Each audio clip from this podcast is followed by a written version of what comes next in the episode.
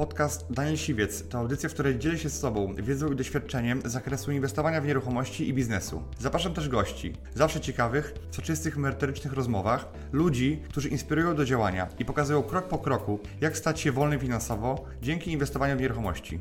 Posłuchaj ich historii, zastosuj modele działania, wykorzystuj narzędzia i uzyskuj podobne rezultaty.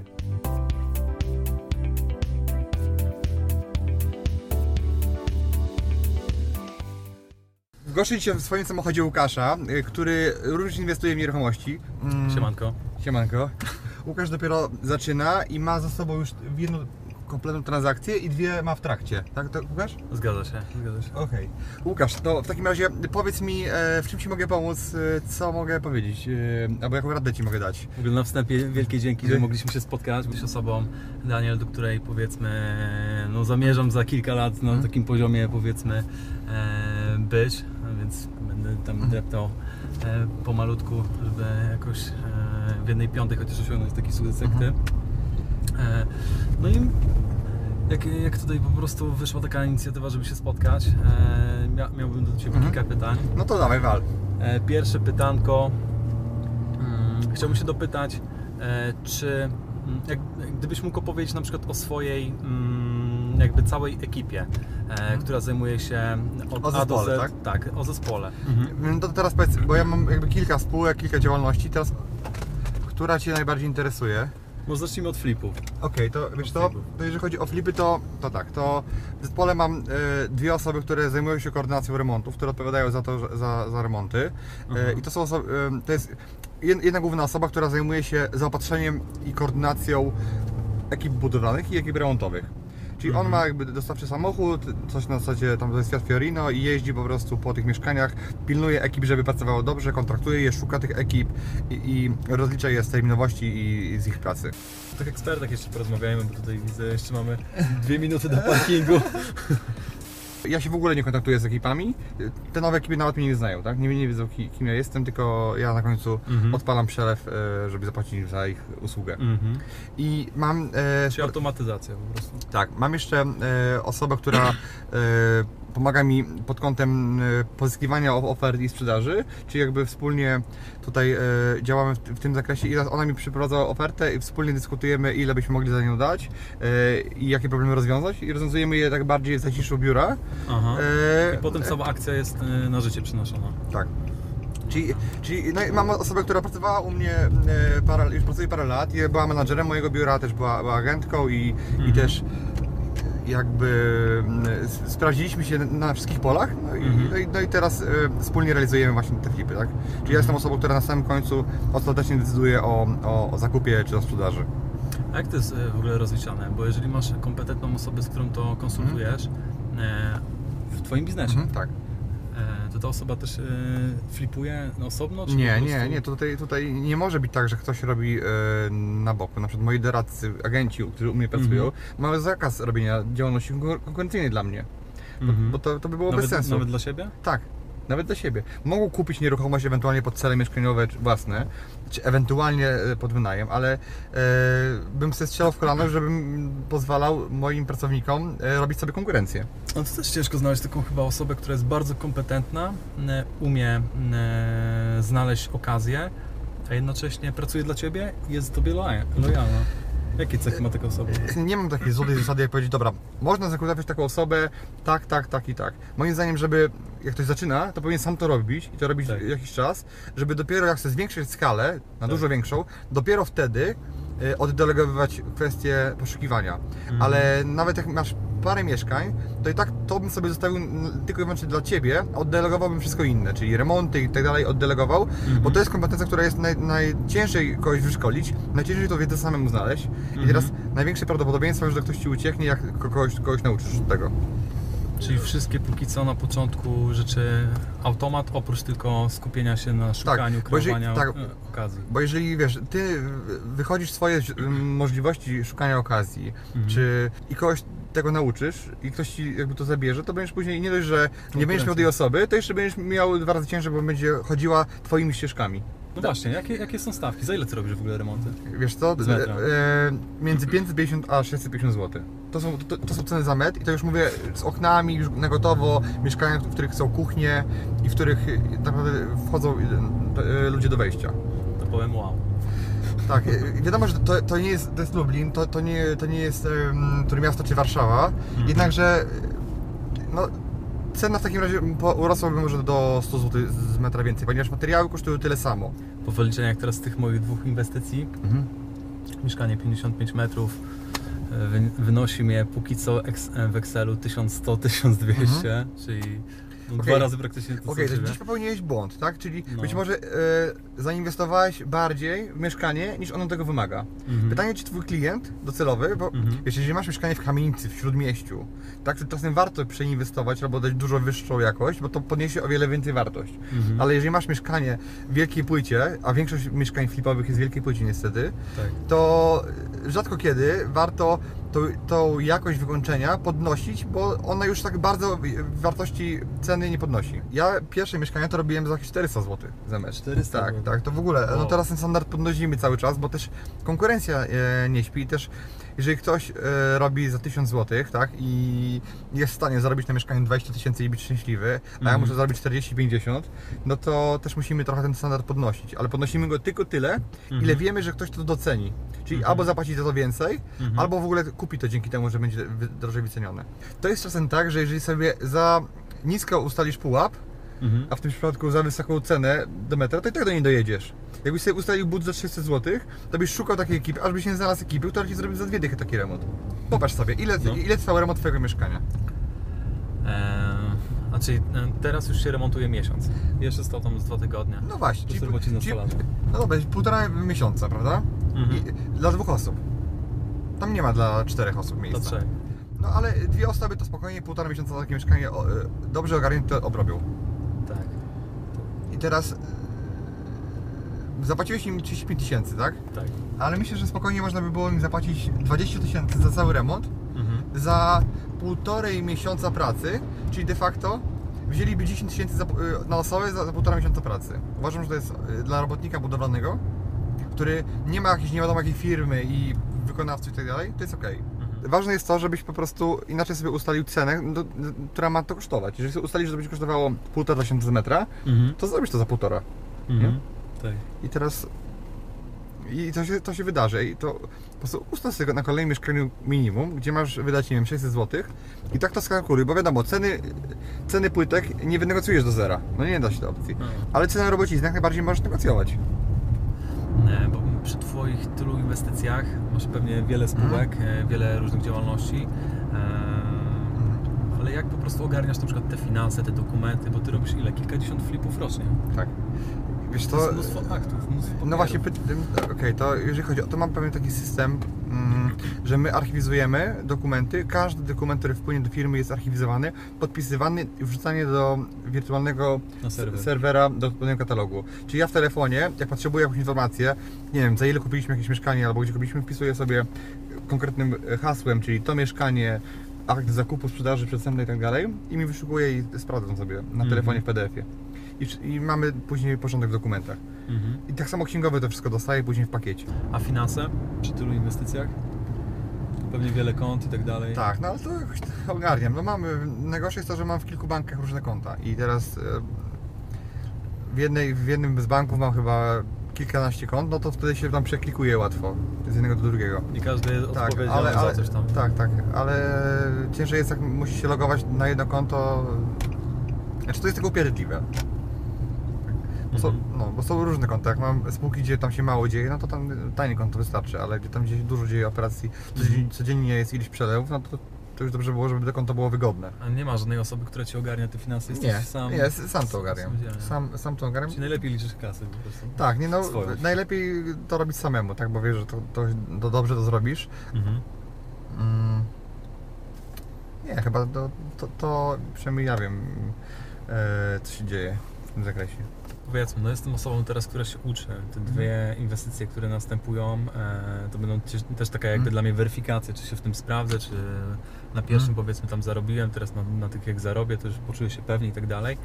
E, I potem, mm, no wiadomo, ja też mam ograniczony jakby zasób Mhm. e, materialny i fajnie wejść potem w skalę jakąś większą, nie? czyli na przykład pozyskać inwestora. E, jakbyś to zrobił na przykład będąc, e, nie wiem, na moim, na moim miejscu?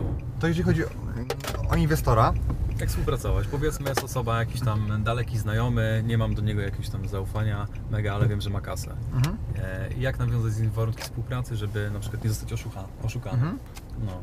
Okej, ale dlaczego to ty masz być oszukany? To on ci daje pieniądze i to on się powinien bać bardziej, w sensie e, to on ryzykuje więcej, a nie A, ty. Chyba, że tak, bo ja myślałem no, właśnie, że on kupi na siebie to mieszkanie, a ja ewentualnie dam e, Tak, to, no, są dwa, dwa, dwie opcje, jest dużo więcej opcji, ale takie dwie podstawowe, że albo on kupuje Mhm.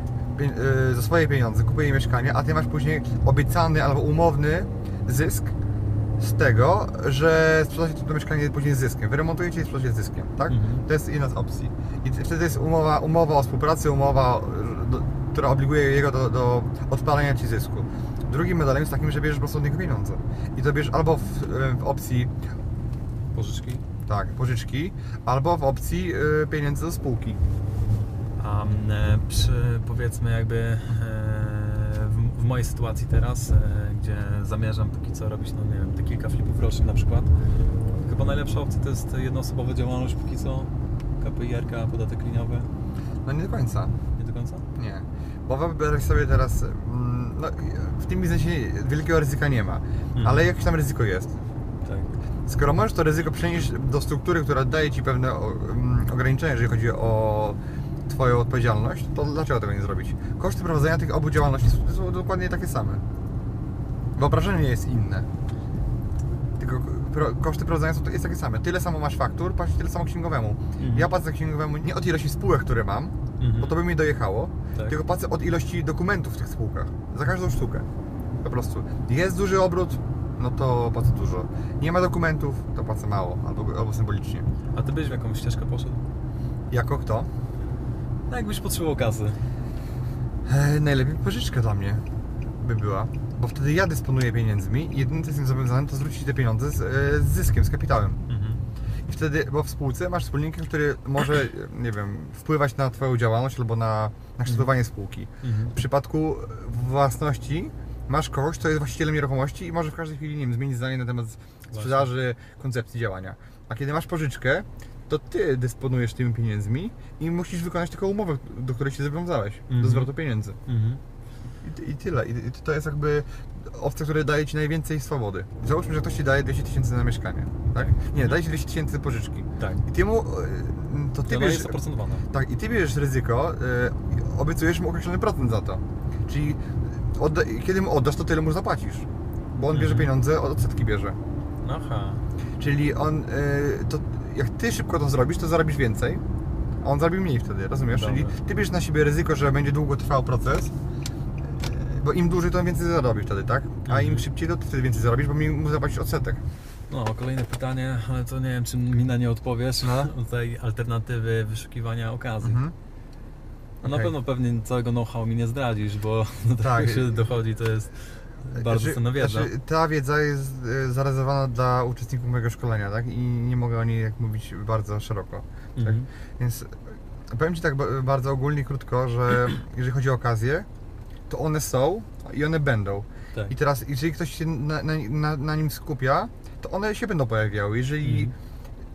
będzie, e, nie będzie ich szukał, nie będzie codziennie e, spędzał wiele czasu e, angażując się, to, to, to nie będzie ich miał. Tak. Teraz sposobów jest, jest mnóstwo i teraz nie ma takiego jednego, którego ja używam. Ja używam wielu sposobów i to jak się wszystko do kupy zbierze, to jest odpowiednia ilość, która mi zadowala.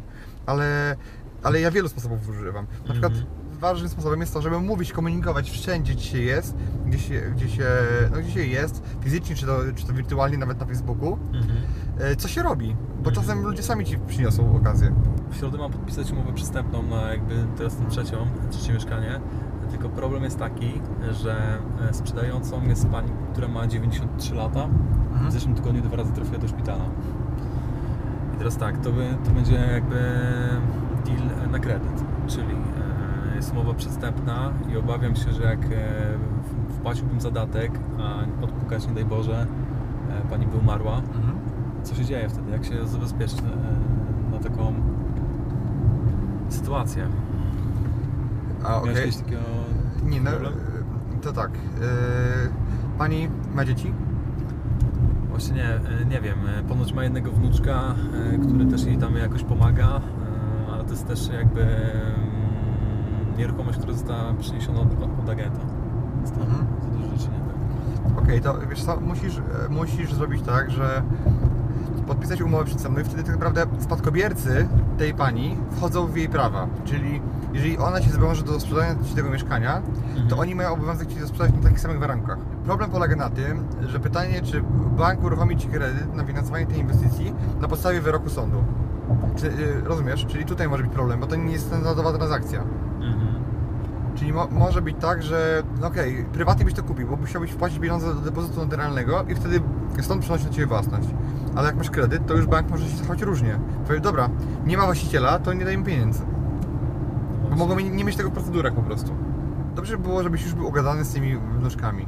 Kim, kim? Z, z A, wnuczkami. wnuczkami. Teraz, jeżeli nie miałbyś kredytu, to ja bym Ci sugerował, żeby dogadać się z tą panią i żeby ona na Ciebie teraz przeniosła własność, a finansowa, żeby poczekała na pieniądze jakiś czas. Żeby nie ryzykować tego, bo jak oni to dziedziczą, to za chwilę będą mieli podatek od, od e, spadku automatycznie. Żeby przenieść własność, czyli na przykład wkładając jakiś tam symboliczny dodatek Tak, i staje się właścicielem? tak. I wtedy bierzesz pieniądze, Mhm. refinansowanie tego i bierzesz pieniądze na, na spłatę, bierzesz wtedy pożyczkę hipoteczną, nie kredyt, Aha. na spłatę tej babci, inaczej mówiąc. A ona jest wyżej oprocentowana, nie? No wyżej trochę, no ale przy flipie to naprawdę paru miesiącach to, to nie ma znaczenia No, wielkiego.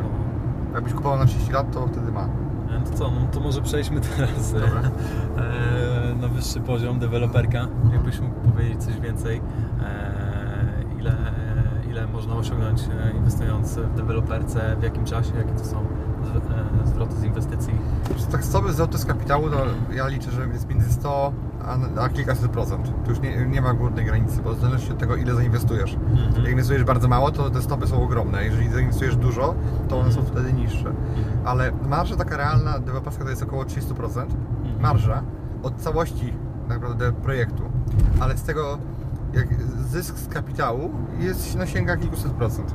Czyli jak zainwestujesz milion, to spokojnie 2-3 miliony można załóżmy wyciągnąć na koniec. To jest między 2 a 3 lata, tak, tyle trwa proces. Uczę nawet tego, jak zrobić tak, żeby nie mieć tych własnych pieniędzy, żeby zacząć startować swoje projekty No bez pieniędzy. no właśnie, czy jest to możliwe, nie mając nic na koncie, Mhm. wejść w branżę deweloperską i osiągać sukcesy?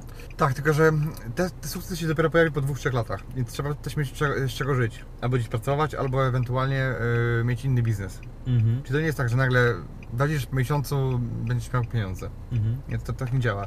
To dopiero jak odetniesz kupon na sam koniec, dopiero wtedy się pojawią pieniądze w- na Twoim koncie. Mhm. Więc dobrze by było robić coś innego, typu flipy, robić, em, mieć inną firmę na ten temat.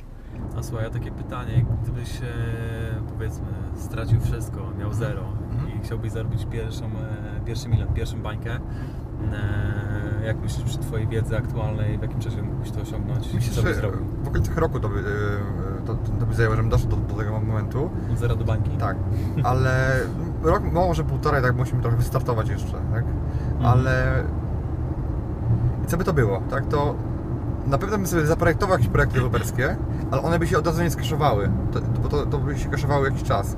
Tak. Na przykład mógłbym zrobić parę projektów nakręcić, czyli znaleźć działkę, rozbudować je, a później je sprzedać z zyskiem. Nie mając kasy? Tak, to nie jest problem.